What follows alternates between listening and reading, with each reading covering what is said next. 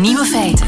Dag, dit is de podcast van Nieuwe Feiten van woensdag 2 mei. In het nieuws vandaag de Dixie-slapers. Een Nederlander die in de nacht na Koningsdag zes uur vastzat in een Dixie, zo'n mobiel toilet, in slaap gevallen. Blijven doorslapen als de Dixie in een vrachtwagen wordt opgeladen.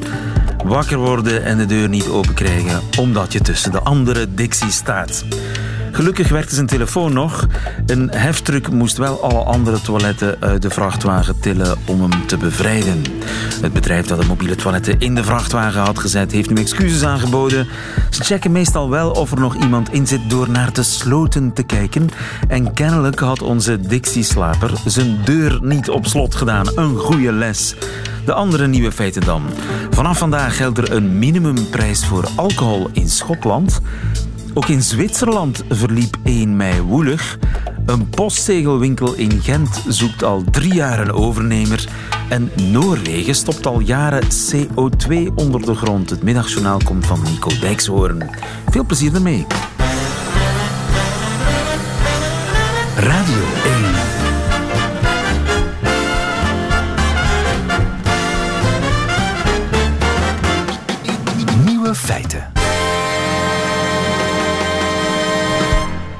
enthousiasme is minder groot in Schotland, want vanaf vandaag is daar de drank fors duurder geworden. Lia van Beckhoven, goedemiddag.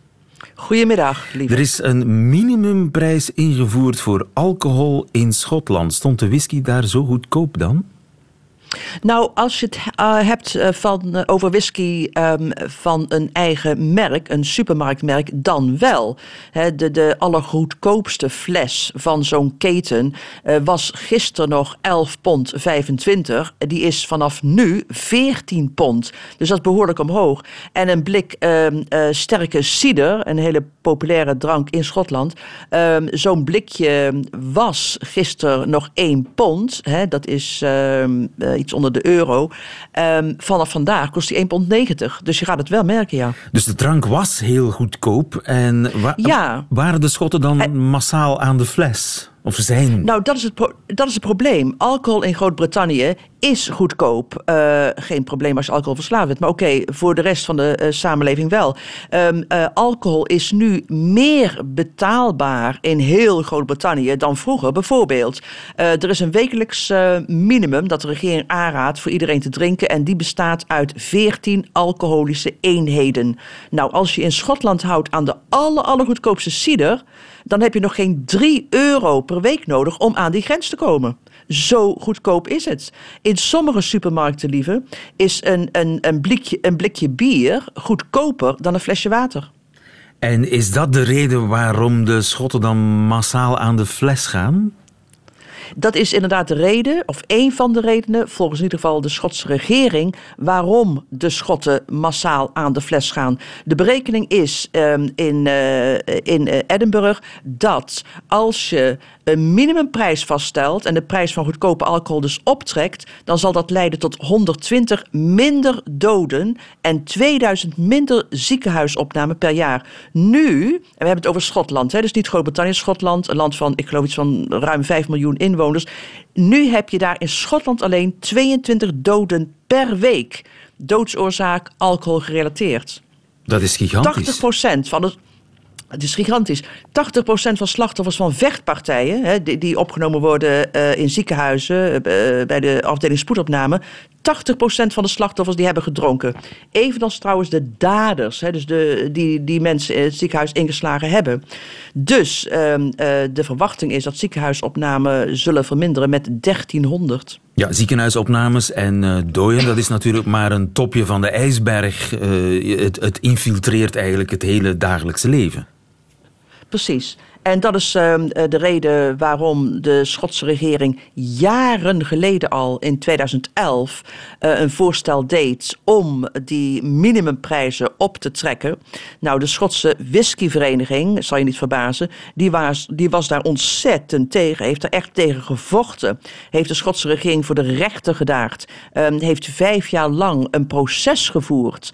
Um, maar het uh, uiteindelijke oordeel, eind vorig jaar geveld, was dat onder de Europese wetgeving het verplichten van een minimumprijs als het gaat hè, om het bevorderen van de gezondheid, dat kan, dat mag. Um, de brouwerijen en de kroegen zijn trouwens heel blij met um, uh, het afschaffen van die spotgoedkope prijzen. He, want die denken dat die um, uh, minimumprijsheffing nu goed is voor het café, omdat het slecht is voor de supermarkt. He, want bijna driekwart van de alcohol in Schotland werd gekocht in supermarkten of in winkels, waar ze inderdaad gingen voor die aller, allergoedkoopste uh, flessen. En zijn het dan de jongeren die drank inslaan en dan op straat een feestje bouwen? Is, is dat. Uh, nee. Hmm. Nee, dat is het merkwaardige. Uh, de demografie. Kijk, in Schotland zijn de zwaarste drinkers inderdaad de ouderen, uh, de minst rijke, de armste Schotten. Maar in de rest van Groot-Brittannië is de demografie heel anders. Oké, je hebt het over jongeren en het klopt uh, dat coma zuipen, hè, dat je opzettelijk lam drinken, dat is wat jongeren doen, maar alleen in het weekend. De rest van de week wordt, door de bank genomen, niet gedronken door de jongeren. Maar weet je wie in de rest van Groot-Brittannië de zwaarste drinkers zijn? Dat zijn de mensen met een goede opleiding, met een goede baan. Mensen die boven de 45.000 euro per jaar verdienen. Dan hebben we het over de artsen, advocaten, docenten, tussen de 45 en de 64. Dat zijn de zwaarste drinkers van het land. En uh, in het hele land dan, niet alleen in Schotland? In het hele land. Ja, maar in Schotland zijn het niet zozeer de jongeren die drinken, het zijn uh, eerder de ouderen die drinken. Wanneer doen ze dat dan? Doen ze dat stiekem thuis, uh, bij keuken, onder keukenlicht? Um, nou, vroeger ging je naar de kroeg om te drinken. de kroeg, de pub, het café was echt de sociale plaats. Um, uh, maar dat is veranderd omdat drank in de kroeg duur is, relatief gesproken. En omdat de afgelopen jaren uh, alcohol in supermarkten zo ongelooflijk goedkoper werd. He, zoals gezegd, een blikje uh, cider en bier vaak goedkoper dan een flesje water. gingen mensen in de supermarkten hun flessen alcohol kopen en inderdaad thuis drinken. En is dat dan... Zich indrinken en, en zich, zich ook indrinken voordat ze naar het café gingen. Okay. Gebeurt nog hoor. Ja. En het is echt sociaal. Het is, het is niet alcoholisme. Of niet in hoofdzaak alcoholisme. Het, is, uh, het hoort er gewoon bij. Kijk, lieve, wat is alcoholisme? Als jij uh, arm bent en je bent een oudere schot en je drinkt ontzettend zwaar, dan zien mensen je vaker als een alcoholist. Ben jij een arts met een goede opleiding en een goede baan, uh, drink jij door de week genomen misschien meer dan die arme schots, uh, dan word jij niet zo snel gezien als een alcoholist, hoewel je misschien wel veel meer alcohol drinkt. Maar je doet het uitgesmeerd over de hele week. Maar de, wat, men ins, wat men drinkt in Groot-Brittannië, wat men inslaat aan alcohol, zijn echt enorme hoeveelheden. Als ik tenminste kijk naar wat er gebruikelijk is, hè, naar de cultuur van drinken, dan is die in mijn vriendenkring um, uh, heel hoog. Um, ik bedoel, er wordt ook altijd gelachen als mensen, als Britse vrienden bij mij thuis, een koelkastdeur opentrekken en ze zien een halve fles wijn staan. Dat vinden ze raar. Want in Groot-Brittannië, in mijn ervaring in ieder geval, als de kruk van de fles is, dan drink je hem leeg. En dat moet maar eens uh, stoppen. En in Schotland beginnen ze eraan een minimumprijs voor alcohol. Ik ben benieuwd of het werkt. Dankjewel in Londen voor ons, uh, Lia van Beckhoven. Goedemiddag. Nieuwe feiten. Radio 1. Niets blijft duren. Hoe ging dat gedicht ook alweer? Niets blijft duren. Niet de vuren, niet de muren van het ouderlijke huis. Niet de kinderen in de straat. Niet de vrienden s'avonds laat. Niet de vogels in de bomen. Niet de dag die nog moet komen. Niets blijft duren. Tenzij die onrust diep in mij, dat onophoudelijk geruis. Prachtig gedicht en het doet mij een beetje aan Etienne denken. Etienne, zijn postzegelwinkel, die blijft namelijk wel duren. Al jaren wil hij stoppen, maar dat schijnt maar niet te lukken. Dat ontdekte Wart Bogaert, die bij hem in de buurt in Sint-Amansberg woont. Hij ging hem opzoeken. Ik woon al jaren in de buurt, maar ik ben er nog nooit binnen geweest. En er hangt al jaren een bordje opvolger gezocht en daar is nu net wel wat verandering in aangebracht. Dag Etienne. Ah, goeiedag jongeman. Etienne, je hebt je bord veranderd, heb ik gezien. Ja, dat is dan uh, een gelukkig toeval, want het is maar gisteren gebeurd. Is het waar? Ja, dus heb je voor gisteren hier al geweest? Ja, ja, ik kom hier ah, regelmatig. En toen stond er, ik ben 75 jaar, opvolger gezocht. En wat staat er nu? Wel, ik ben verjaard, maar ik verjaar drie jaar ineens. Hè. nee. En nu staat er, ik ben 78 Ja. jaar. Eh, Moet dat- juist zijn. Dat is nu actueel. Ja, oké. Maar wat wel nog altijd hetzelfde is, is dat je een opvolger zoekt. Ja. Ik heb wel geduld. Zo word je wel trager ouder natuurlijk ook. Ja, maar geworden toch, hè? Dat, eh, ja. Eh, excuseer. Ze bellen. Terug. Altijd maar DDR 1975, Engeland, Fareur, Frankrijk, basiscollectie 1945-1964, Elvis Presley collectie, dieren uit alle landen, Congo, Burundi, Brazilië, Azoren. Ongelooflijk. Ja, daar is Etienne terug. Eh, was het een klant, Etienne?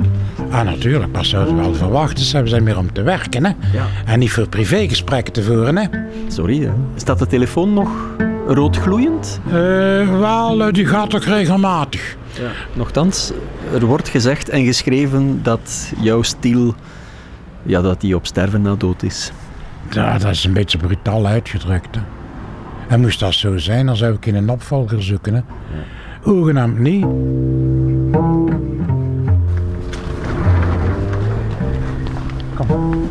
Ja, hier naar een ander lokaaltje.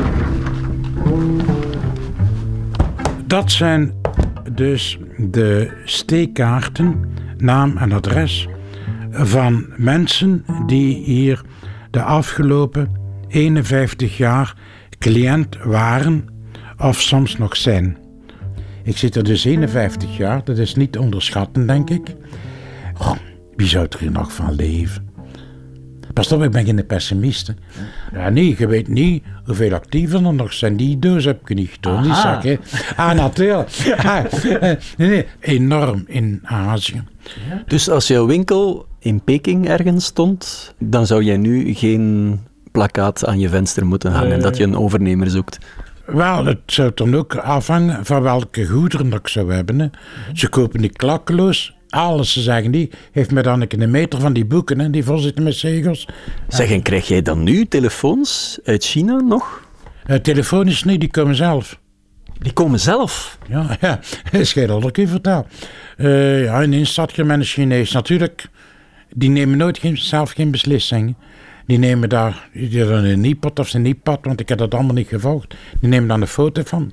Die zijn dan onmiddellijk door naar Hongkong. Daar wordt er dan naar gekeken en opgezocht. Ze zien de nummers staan, ze zien het land op de zegel.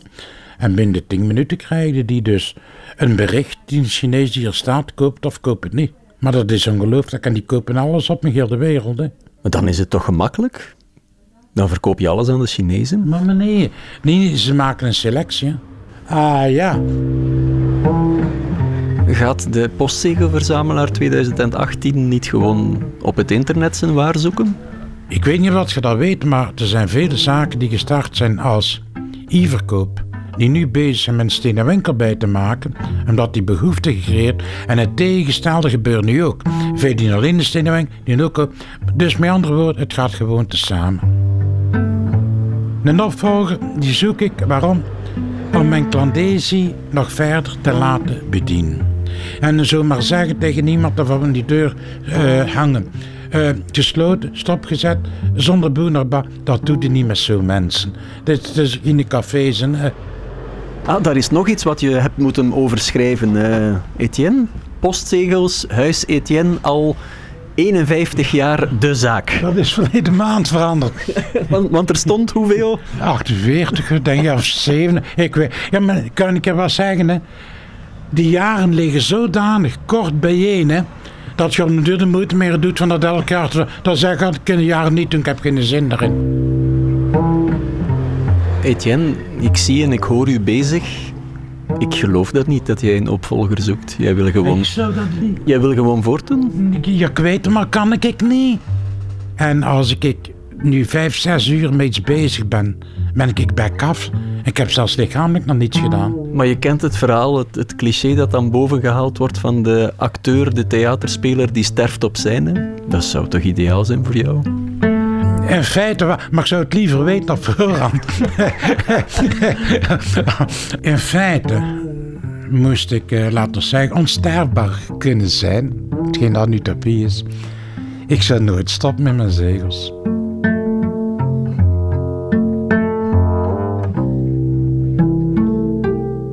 Kandidaat-overnemers die mogen zich melden bij Etienne in Sint-Amansberg of op radio1.be.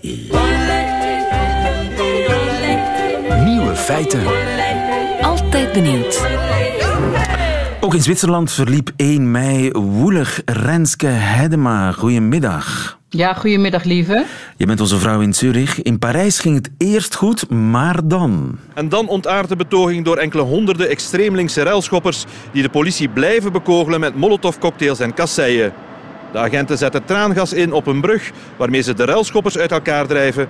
Maar daardoor eindigt meteen ook abrupt de anders rustige in mei-optocht. Steven de Kranen in Parijs gisteren, waar auto's en een McDonald's in brand zijn gestoken door anarchisten van Le Black Bloc op een heftige 1 mei-betoging tegen de hervormingen van president Macron. Maar Renske, in Zwitserland, wat is er gebeurd? Nou, in Zwitserland is het gisteren eigenlijk naar verhouding behoorlijk rustig gebleven. Hoewel de 1 mei-viering hier over het algemeen ook wel heel fel kan zijn. En dat vooral in Zurich. En uh, in Zurich, uh, ik, ik, ben gisteren in die demonstratie gaan lopen. Er werd geschat door de politie dat er ongeveer 13.000 man op de been waren. Nou, dat is best wat. Je hebt natuurlijk de gebruikelijke eh, vakbonden en ook de, de, de, noem je dat, de spandoeken van, van Lenin en Stalin en Marx worden natuurlijk rondgedragen, rookbommen. Er zijn wat vernielingen aan gebouwen, maar daar is het in Zurich wel bij gebleven. En nogmaals, in vorige jaren was het een stuk ja, maar zijn er dan zoveel linkse partijen in Zwitserland? Nou, wat er aan de hand is, lieve in Zwitserland, is dat uh, je constateert dat het verschil tussen links en rechts uh, op het scherp van de snede wordt, wordt uitgevochten. Um, en ik wijd dat aan het feit dat uh, er is een rechtse meerderheid in de regering. En dat is dan ook de reden dat links ook des te linkser kan zijn. En uh, dat zie je bijvoorbeeld ook erg goed aan uh, de opstelling van de jonge socialisten. Uh, de jonge socialisten die, die voeren een campagne ook binnen hun eigen partij, de SP hier. Uh, die heel fel is. Uh, zo zijn ze uh, tegen eigendom. Eigenlijk hoort elke vorm van privaat eigendom afgeschaft te worden. Je hebt hier in Zwitserland nauwelijks erfbelasting, maar die moet natuurlijk ingevoerd worden. Die moet van 0 naar 100 procent. En ze hebben onlangs ook het voorstel gedaan dat alle christelijke feestdagen maar afgeschaft moesten worden. En die moeten gewoon vervangen worden door neutrale feestdagen die iedereen kan opnemen zoals hij zelf wil. Dus dat is tamelijk radicaal. Hoe succesvol zijn die radicaal linkse partijen? Of nee, er is eigenlijk maar één linkse partij. Je hebt ook de Groenen natuurlijk. En, uh, maar laten we zeggen, de, de grote socialistische partij, zoals in Nederland de PvdA en in, in België de SPA. Eh, de, dus die overwegende socialistische partij, die is toch bijna 20% van de stemmen in de Kamer. Maar heeft daarmee dus geen meerderheid. Um, maar uh, die, die, die 1 mei-viering, die ziet links-Zwitserland wel als een duid, duidelijke concentratie van waar ze elkaar ontmoeten en waar ze ook zichtbaar zijn. En um, ja, historisch is dat ook een beetje terug te voeren op. Uh, er was hier één grote algemene staking in heel Zwitserland in 1918. En dan gaan we dus terug naar het einde van de Eerste Wereldoorlog. En volgens sommigen is, laten we zeggen, die, die verschillen tussen links en rechts in dit land, die zijn toen uh, neergezet. Dat waren hele ernstige stakingen waar het leger werd ingezet door de regering. Nou, sindsdien is dat niet meer gebeurd. Sindsdien hebben de linkse langzamerhand hun rechten verworven. Daarna kreeg je pas een acht, uh, achturige werkdag en kregen de meer rechten. Uh, en daar werd gisteren natuurlijk ook tijdens die demonstraties enorm op teruggegrepen. Dat werd wel gezien als een succes uh, voor links. En het grappige is ook dat uh, die, die landerstrijk, die, die algemene staking van 1918, ook heel erg was ingegeven door bijvoorbeeld het feit dat Lenin op dat moment in Zurich woonde. En Lenin die, uh, die was nog maar net terug in Rusland voor zijn eigen revolutie. En daardoor waren de Zwitsers ook erg geïnspireerd En ze waren bovendien boven, heel erg arm na afloop van de Eerste Wereldoorlog. Waarin ze wel neutraal waren gebleven, maar ze waren toch natuurlijk aangeslagen door een enorme inflatie. Ze waren heel erg arm. En laten we zeggen dat die algemene staking van 1918 nog steeds als inspiratie geldt. Ook voor de 1 mei-viering in Zwitserland. Dus de laatste staking in Zwitserland was 100 jaar geleden. Ja, dus het is niet te vergelijken met. Macron krijgt het natuurlijk nu voor zijn kiezen. Uh, maar sindsdien is het in Zwitserland rustig gebleven wat dat betreft. Dat komt natuurlijk ook omdat de arbeidsomstandigheden goed zijn. Uh, en uh, je hebt veel midden- en kleinbedrijf, waar mensen over het algemeen goed verdienen, waar je zelf afspraken kan maken met je baas. CAO's zijn er natuurlijk ook, hè, dus landelijke afspraken over lonen. Um, maar um, laten we zeggen, de, in de praktijk is het zo dat mensen het goed hebben en dat er in ieder geval niet gestaakt wordt. En op dagen als 1 mei uh, en ook in de acties van die jonge socialisten zie je heel duidelijk dat uh, links ontzettend scherp aanzet. Maar die SP, is die ergens aan de macht met al haar uh, radicaal marxistische ideeën? Nou ja, die, uh, die SP is niet aan de macht, maar laten we zeggen dat de jonge socialisten binnen de SP een enorme invloed hebben. Want uh, ze zijn ook lid van, uh, van het algemene bestuur van de SP. Dat is zelden zo dat jongere partijen zo belangrijk zijn in hun moederpartij. En daardoor kunnen ze zich ook goed, goed doorzetten. En zij hebben er bijvoorbeeld ook voor gezorgd, de jonge socialisten, dat de strijd tegen het kapitalisme, wat niet meer in het partijprogramma stond, dat dat daarin terug is. Dus uh, ze hebben wel degelijk binnen die SP een grote invloed. Ja, dus nergens in Europa zijn de sociaaldemocraten zo links als in Zwitserland. Dankjewel Renske Hedema in Zurich voor ons. Goedemiddag. Graag gedaan.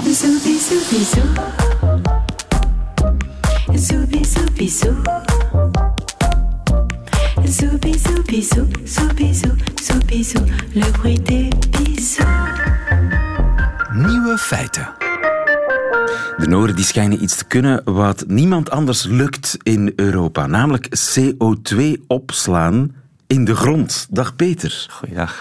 Peter Teffer, jij hebt voor Vrij Nederland onderzoek gedaan naar wat heet CCS. Wat is dat eigenlijk, CCS? CCS is een Engelse afkorting voor Carbon Capture and Storage. En dat betekent CO2-opvang of afvang en opslag. En hoe werkt dat dan concreet? Je zet een soort slang op een schoorsteen? Uh, zo conceptualiseer je het natuurlijk wel het makkelijkst, maar er komt iets meer bij kijken. Ik ben zelf geen chemicus, dus ik heb het ook allemaal niet tot in de details begrepen. Maar in principe gaat het zo dat er bepaalde chemische processen op los worden gelaten, of bepaalde uh, aminozuren, en die trekken de CO2 dan los.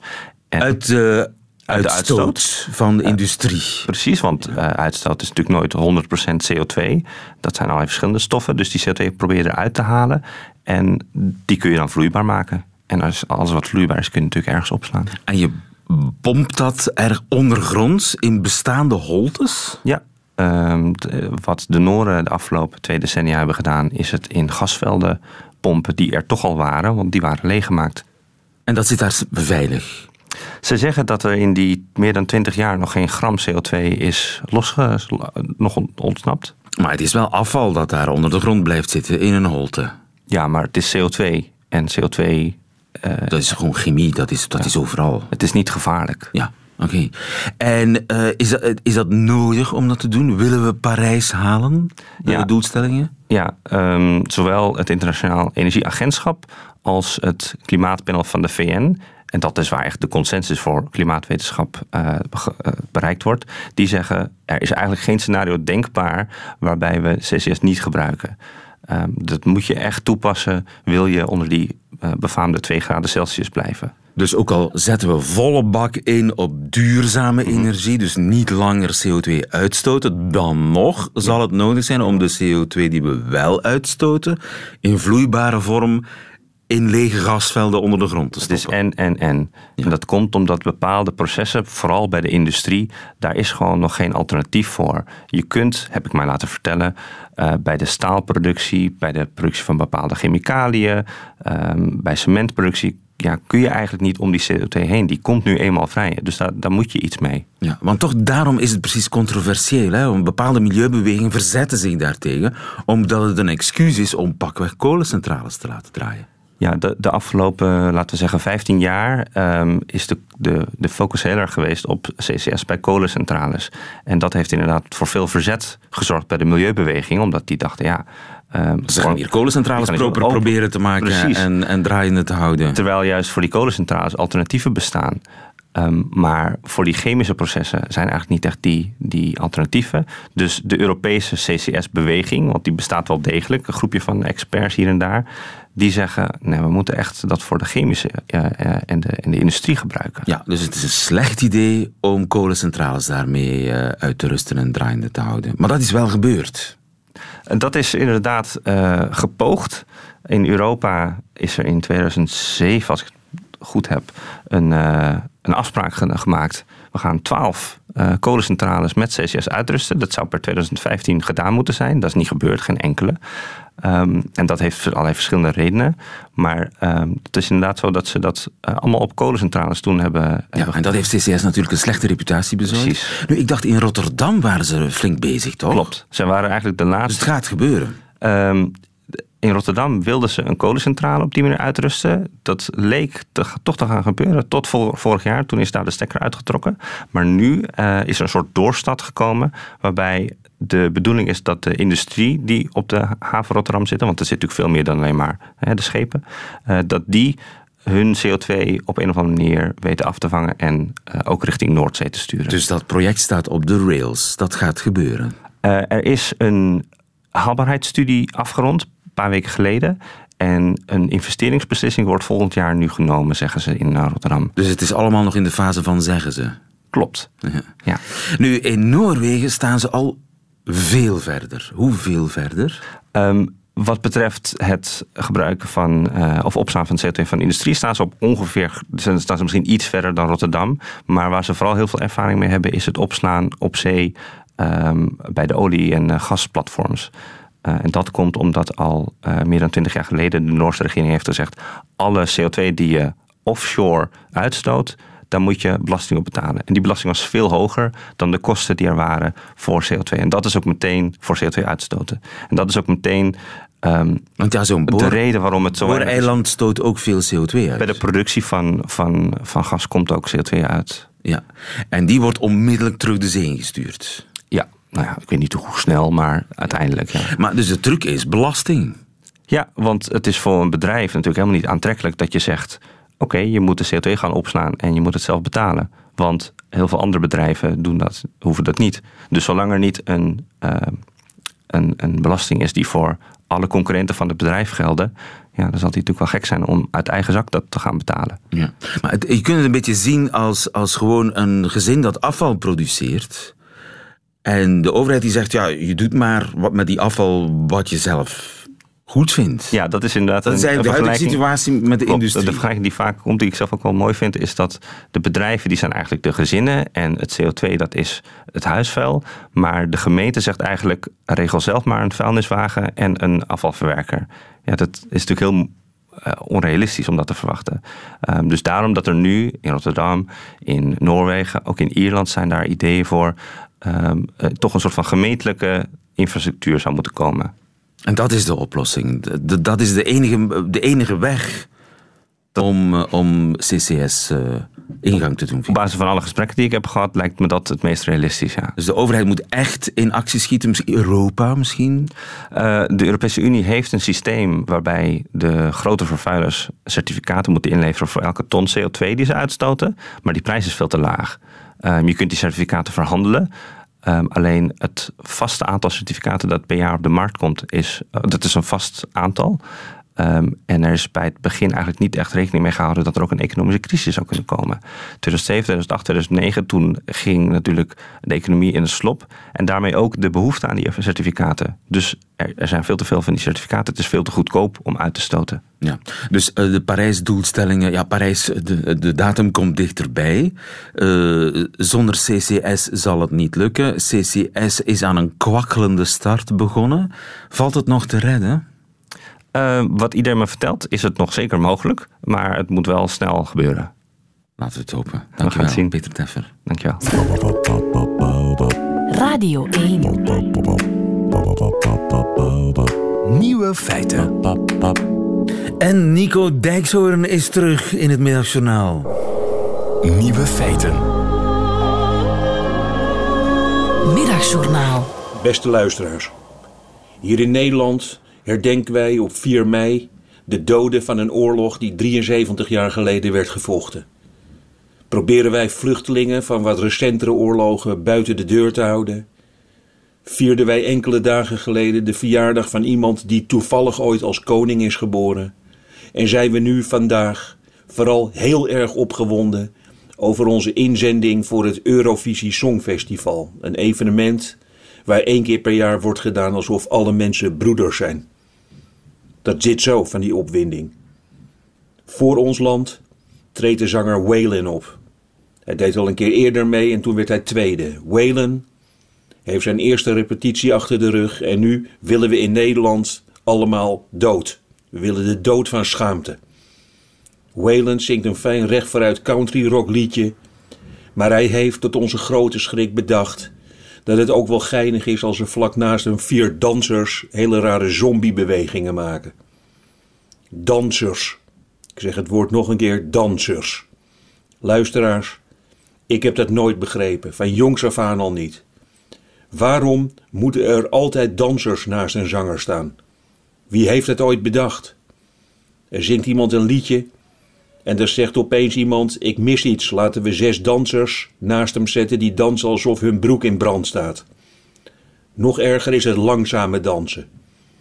Iemand zingt een heel gevoelig liedje en de dansers doen op de achtergrond alsof ze heel zachtjes hele lieve duiven uit de lucht grijpen. Ik denk zelf, dat is mijn theorie, dat dat allemaal door Kate Bush komt. Kate Bush die zong een prachtig liedje, Wuthering Heights, en zij danste tegelijkertijd alsof ze 13.000 hondsdolle vleermuizen uit een grot sloeg. En toch, luisteraars, vergeef ik Kate Bush alles.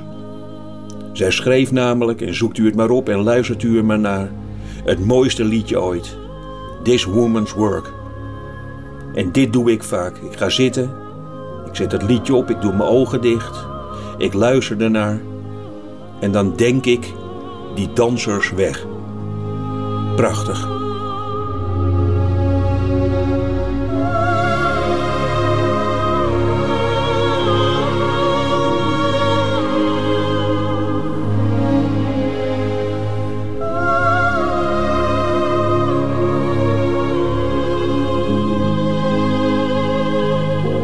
Het van Nico Dijkshoorn. Einde van deze podcast. U vindt er nog veel meer op radio1.be en op de gebruikelijke podcastkanalen. Tot nog eens.